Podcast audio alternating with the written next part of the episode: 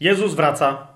Hashtag Jezus wraca. Będziemy cały czas przypominać to hasło, e, dlatego że naprawdę chcemy nim żyć. E, już od pierwszych, e, nawet nie pamiętam czy rorat, czy nawet od pierwszej niedzieli Adwentu, czy jakkolwiek to sobie tam nazwaliśmy, pojawiały się pytania związane z tym, co ja powiedziałem, że jest wręcz definicją życia chrześcijańskiego, czyli że oczekiwanie na Chrystusa stanowi kwintesencję, wręcz że mo, może samo w sobie ta postawa oczekiwania na powrót Jezusa e, stanowi definicję tego, czym jest życie chrześcijańskie. I tam niektórzy e, pytali, że jak to, czy Biblia rzeczywiście tak to przedstawia. Oczywiście w wielu miejscach, na przykład dzisiaj celowo jeden z y, y, takich wersetów, y, takich fragmentów przywołuję, bo nam jest potrzebny na przedłużeniu rozważania, które zaczęliśmy wczoraj. Otóż jest to pierwszy list Pawła Apostoła do Tesaloniczan, pierwszy rozdział w dziewiątym i dziesiątym wersecie. Od szóstego wersetu Paweł zasadniczo chwali wiarę Tesaloniczan, tak?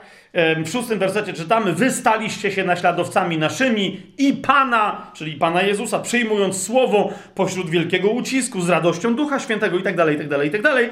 Mm, ale w pewnym momencie przechodzi de facto do zdefiniowania życia chrześcijańskiego. Czemu służy nie tylko nowonarodzenie, ale nawrócenie się i życie tym nawróceniem? Zobaczcie, to jest pierwszy do Tesaloniczan, pierwszy rozdział, dziewiąty i dziesiąty werset. Paweł mówi o tym, o tym, że mówi nawróciliście się, a teraz więc, jeżeli się nawróciliście, to do czego? Co się robi po nawróceniu? I mówi tak.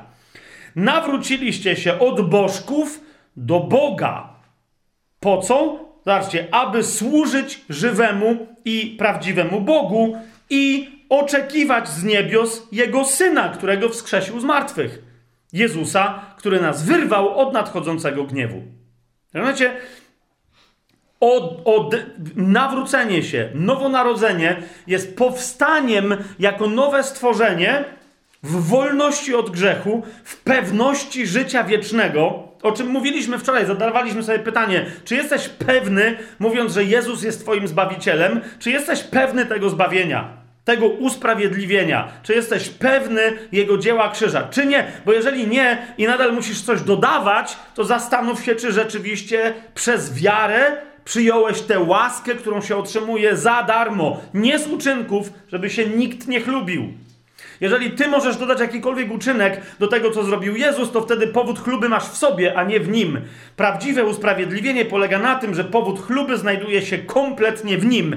Dlatego jest niepodważalny, bo Jezus jest niezmienny. Taki sam wczoraj, dziś i na wieki. Taki sam, tak samo przeczysty, tak samo święty, tak samo boski, tak samo pełen miłości i miłosierdzia. Taki, jaki zawarł przymierze z Ojcem, taki był, jest i pozostanie, i dlatego lepiej mieć takie przymierze, ono jest pewne. Pytanie tylko wczoraj brzmiało, czy ty jesteś pewna, czy ty jesteś pewny, że masz takie właśnie pewne usprawiedliwienie w Chrystusie. Dzisiaj przeczytaliśmy, że, że kiedy ktoś ma takie usprawiedliwienie w Chrystusie, wówczas jest zaproszony do pełnego nawrócenia, aby przestał służyć bożkom i od tej pory zaczął służyć Bogu żywemu i e, prawdziwemu. I, I kwintesencją tego służenia Bogu, zwróć uwagę, jest oczekiwanie z niebios Jego Syna.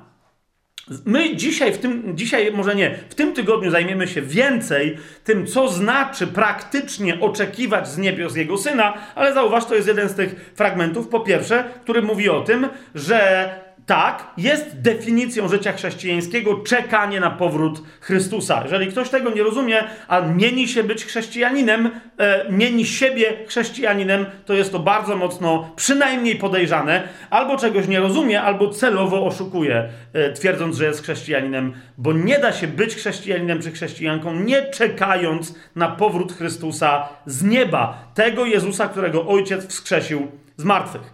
Dziś Natomiast chcę e, jeszcze raz wrócić do prostoty wiary. Zwróć uwagę, jest powrót Jezusa tutaj związany kolejny raz z czym? Z dziełem usprawiedliwienia i zbawienia, jakiego Jezus dokonał na krzyżu. Jest tu powiedziane, e, że my mamy czekać z niebios Jego Syna, tego, którego Ojciec wskrzesił z martwych, Jezusa, który to Jezus wyrwał nas od nadchodzącego gniewu. Widzisz, jedna z prawd związanych z powrotem Jezusa mówi o tym, że nie jest tak, że Bóg pozostanie kompletnie cichy i cierpliwy, dobrotliwy i cierpiący, patrząc na cierpienie swoich dzieci. Także po prostu ludzi, zwierząt, natury, na, patrząc na cierpienie na ziemi, którą stworzył po to, aby była rajem szczęśliwości. My cały czas żyjemy w wieku, w którym on jest cierpliwy, ale ten wiek nie będzie trwać yy, w nieskończoność. On ma swoją granicę, ta granica nazywa się dniem gniewu. Dzień gniewu będzie. Bóg nie chce przyjść, żeby się gniewać na ludzi, na naturę itd. Tak itd. Tak Bóg chce przyjść, okazać gniew wszystkim przyczynom niesprawiedliwości. Diabłu, grzechowi, śmierci. On to wszystko chce skończyć. Przyjdzie taki dzień, ale jednocześnie Bóg nie chce, żeby został ktokolwiek, kto by trwał w buncie, trwał w nieposłuszeństwie, kto by nie przyjął zbawczej ofiary jego syna. Więc Bóg czeka. Niemniej przyjdzie dzień, w którym czekanie się skończy, a wtedy ci, którzy będą cwaniakować, będą chojrakować, będą mówić, że e, Bóg jest taki czy inny, może go nie ma, może po prostu znajdą się na drodze tego żywiołu rozpalonego, ognia palącego, jakim jest Bóg. Zresztą Biblia tak go przedstawia w liście do Hebrajczyków w 12 e, rozdziale, na przykład w 12 rozdziale, w 29 e, wersecie powiada: Nasz Bóg bowiem jest ogniem trawiącym, spalającym do cna. Kogo nie spala? Tych, którzy sami przyjęli jego naturę, tych, którzy sami są z ognia. Ogień nie spala ognia, ale tych wszystkich, którzy nie chcą poddać się ogniowi, nie chcą przyjąć tej nowej, świętej, boskiej natury, ci w starciu z ogniem zostaną zniszczeni, ponieważ ogień nie bierze zakładników, kiedy już przychodzi. A zatem, kochani, Jezus uratował nas od gniewu. W liście do Rzymian, otwórzmy sobie list do Rzymian, e, trzeci rozdział i zachęcam Cię teraz, e, okej, okay, możesz gdzieś teraz jechać, odsłuchiwać tego w samochodzie, w autobusie, gdzieś tam, e, ale sprawdź to sobie potem, zobacz to na własne oczy. O tym uwol... Znów, kiedy my rozważamy kwestię powrotu Jezusa, potrzebujemy cały czas pamiętać o tym, że kiedy Jezus wróci, dla tych, którzy są wolni od gniewu, którzy są pojednani z Panem, to będzie radosne zdarzenie, ale dla tych, którzy nie są, będzie zderzeniem się spektakularnym ze spektakularnym gniewem Bożym. Ten gniew nie jest skierowany przeciwko jakiemukolwiek człowiekowi, ale jeżeli jakikolwiek człowiek stanie po stronie tych żywiołów, tych sił duchowych, które są skazane na Boży gniew, to ten Boży gniew wtedy nie będzie rozróżniać, tylko zniesie wszystko, co się będzie trzymało z niesprawiedliwością, przeciwko której gniew Boży wystąpi. Ok? Więc e, kiedy mówimy o powrocie Chrystusa, musimy sobie również przypomnieć i to, że owszem, Bóg dziś, będąc cierpliwym, cichym i oczekującym, w pewnym momencie jednego dnia absolutnie wszystko odmieni. I ten jeden konkretny dzień dla tych, którzy nie będą przygotowani, będzie gniem straszliwego gniewu yy, pańskiego. W trzecim rozdziale listu yy, do Rzymian od 19 wersetu tak czytamy. Wiemy, że wszystko, co mówi prawo, znaczy, w zasadzie prawie, prawie cały Stary Testament, prawie jest, jest przesiąknięty prawem. Wiemy, że wszystko, co mówi prawo, mówi do tych, którzy są pod prawem, aby wszystkie usta zostały zamknięte i aby cały świat podlegał karaniu Boga. Cały Stary Testament mówił, że, że są rozmaite przepisy, prawa i tak dalej. Po co? Tylko po to, żeby pokazać ludziom, zauważcie, kiedyś byliście zdolni żyć według woli Bożej, w zgodzie z upodobaniem Boga, ale zobaczcie, nie jesteście w stanie już dzisiaj. Okay? I nie jesteście w stanie tego zmienić. Całe prawo Starego Testamentu temu służyło, żeby to pokazać. Jeżeli będziemy polegać na własnych uczynkach, jedyne czym to się skończy, to będzie spotkanie z gniewem Bożym i z karą, która nam się słusznie należy. My dziś żyjemy, y, rozumiesz, w dobie, w ramach której ludzie się pocieszają, porównując się do jakichś zbirów, wyciągają historię bandytów, e, masowych morderców typu Stalina, Hitlera, całych e, systemów przestępczych, faszyzmu, hitleryzmu, komunizmu, totalitaryzmu takiego czy innego rodzaju, po to, żeby sobie powiedzieć, no ja w porównaniu z kimś takim nie jestem taki zły, seryjnych morderców i tak dalej. Rozumiesz, tymczasem jeden twój grzech, który wywołał czyjeś cierpienie. Jeden twój grzech, który był skierowany przeciwko tobie samemu, przeciwko miłości własnej, miłości bliźniego, miłości Boga. Jeden twój czy mój grzech, który był skierowany przeciwko Bogu, tak, że zerwał skutecznie moją więź z Bogiem,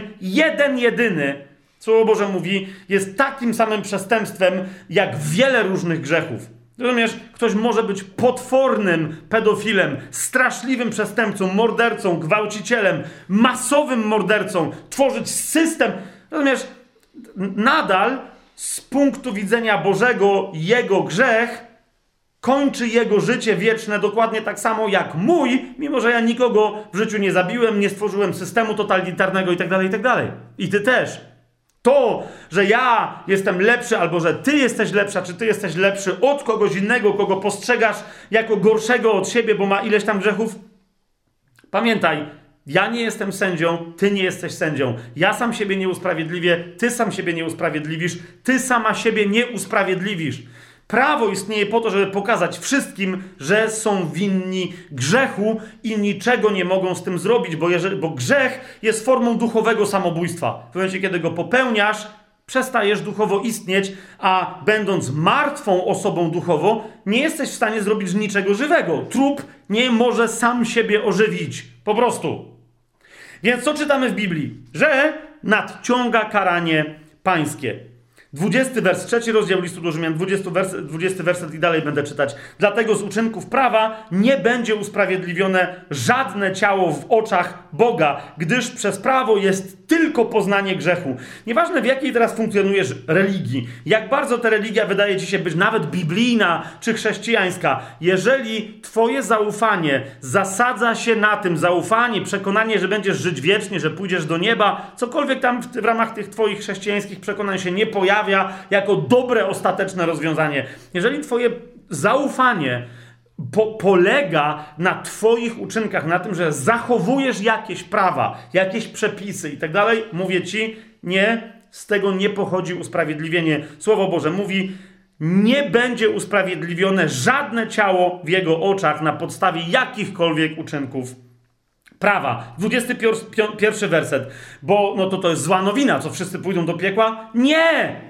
Nie, ale teraz bez prawa została objawiona sprawiedliwość Boga, poświadczona przez prawo i proroków. Na czym ona polega?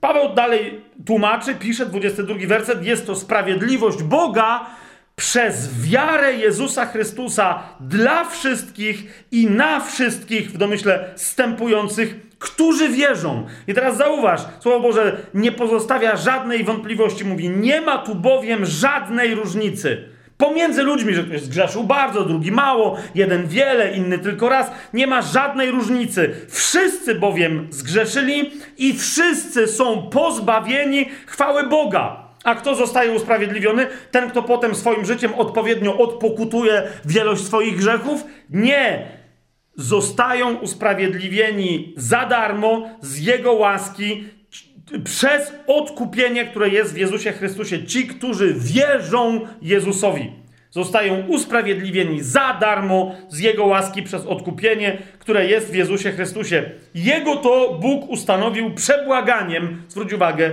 przez wiarę w Jego krew aby w ten sposób okazać swoją sprawiedliwość przez odpuszczenie w swojej cierpliwości uprzednio popełnionych grzechów, aby okazać swoją sprawiedliwość w obecnym czasie, po to, aby on był sprawiedliwym i usprawiedliwiającym tego, kto wierzy w Jezusa. Nie kto zrobi jakieś uczynki, również nie ma żadnych uczynków, które zadowolą Boga, które mogłyby zmazać Twoją czy moją winę. Nie ma żadnych uczynków. Jedyny uczynek, który marze wszystkie winy, rozumiesz? Fakt popełnienia grzechów i konsekwencje tych grzechów, którymi ostatecznie jest kara piekła wiecznego. Jedyny uczynek, który znosi to wszystko i skutecznie zmazuje, to jest śmierć jednego, jedynego sprawiedliwego na krzyżu. Więc jedyne, co może mnie usprawiedliwić, to jest wiara w ten jego uczynek i zaufanie tylko i wyłącznie Jemu. 27, 28 werset pytają, gdzie więc jest powód do, do chluby? Paweł odpowiada, został wykluczony. Przez jakie prawo? Prawo uczynków? Nie, przez prawo wiary. Rozumiesz? Żaden uczynek. Wiara w sercu, nie musisz nawet jej wypowiedzieć, żadnej modlitwy nawet wypowiedzieć. Wystarczy, że masz wiarę w sercu w to, że Jezusowa śmierć na krzyżu wszystko załatwiła. Jego zmartwychwstanie jest dowodem na skuteczność tej ofiary. Jeżeli tylko i wyłącznie w to wierzysz, nie musisz nawet pół słowa wypowiedzieć, Ojciec, który widzi serca, przyjmuje tę twoje wiar, tą twoją wiarę i udziela ci tylko i wyłącznie na tej zasadzie. Przez żaden obrzęd, sakrament, modlitwę, włożenie rąk, nałożenie rąk, zanurzenie w wodzie, wynurzenie z wody. Nie, żaden uczynek. Nawet nie przez wypowiedzenie twojego jednego słowa, nawet jeżeli tym słowem będzie święte imię Jezus. Nadal. Jedyne, co cię usprawiedliwi, to jest wiara twojego serca, która jest zaufaniem, którym składasz swoje życie rozumiesz, w ręce Jezusa, On w zamian za to twoje stare, grzeszne życie, które by się skończyło tylko i wyłącznie źle, daje ci życie yy, nowe. 28 werset. Tak więc twierdzimy, że człowiek zostaje usprawiedliwiony przez wiarę, bez uczynków prawa. Tylko i wyłącznie przez wiarę. Na czym ty zasadzasz swoje zbawienie? Jeżeli wczoraj pytaliśmy, czy jesteś pewny, czy jesteś pewna, być może twoja odpowiedź była tak, jestem pewny, tak, jestem pewna. Dzisiaj się pytam, co jest dowodem tej twojej pewności? Czy coś, co robisz ty w swoim życiu, czy też tylko i wyłącznie fakt twojego przylgnięcia twoim sercem do tego, co Jezus zrobił już co on już zrobił raz na zawsze, skończył temat. Się więcej tematem grzechu nie zajmuje. Nie trzeba się nim zajmować. Wystarczy przylgnąć w pełnym zaufaniu swoim sercem do tego, co on uczynił. Jezu, dzięki Ci za Twoje tak wielkie, tak wspaniałe dzieło usprawiedliwienia i zbawienia, odkupienia nas na krzyżu. Dzięki Ci, Panie, że nie mamy w sobie żadnego powodu do chluby, więc nie musimy szukać żadnej chluby, żeby się przed sobą, przed innymi ludźmi, czy nawet przed Tobą popisywać. Że Cała nasza chluba, Panie, jest w Tobie, Tobie ukrzyżowanym, Tobie zmartwychwstałym, Tobie zasiadającym po prawicy Ojca, Tobie powracającym w chwale ze swoimi świętymi, ze swoimi aniołami. Dzięki Ci, Panie, za wszystkie Twoje uczynki, za Twoje bezgrzeszne życie, które oddałeś za nas, grzeszników. Dzięki Ci, Panie, że my nic nie musimy. Wierząc w Ciebie natomiast otrzymujemy nowe życie, w którym od tej pory wszystko możemy. Dzięki Ci, Panie. Amen. Błogosławiony król, który przychodzi w imię Pańskie. Pokój i chwała na wysokościach. Pokój i chwała na wysokościach. Jeśli ci umilkną, to kamienie wołać będą.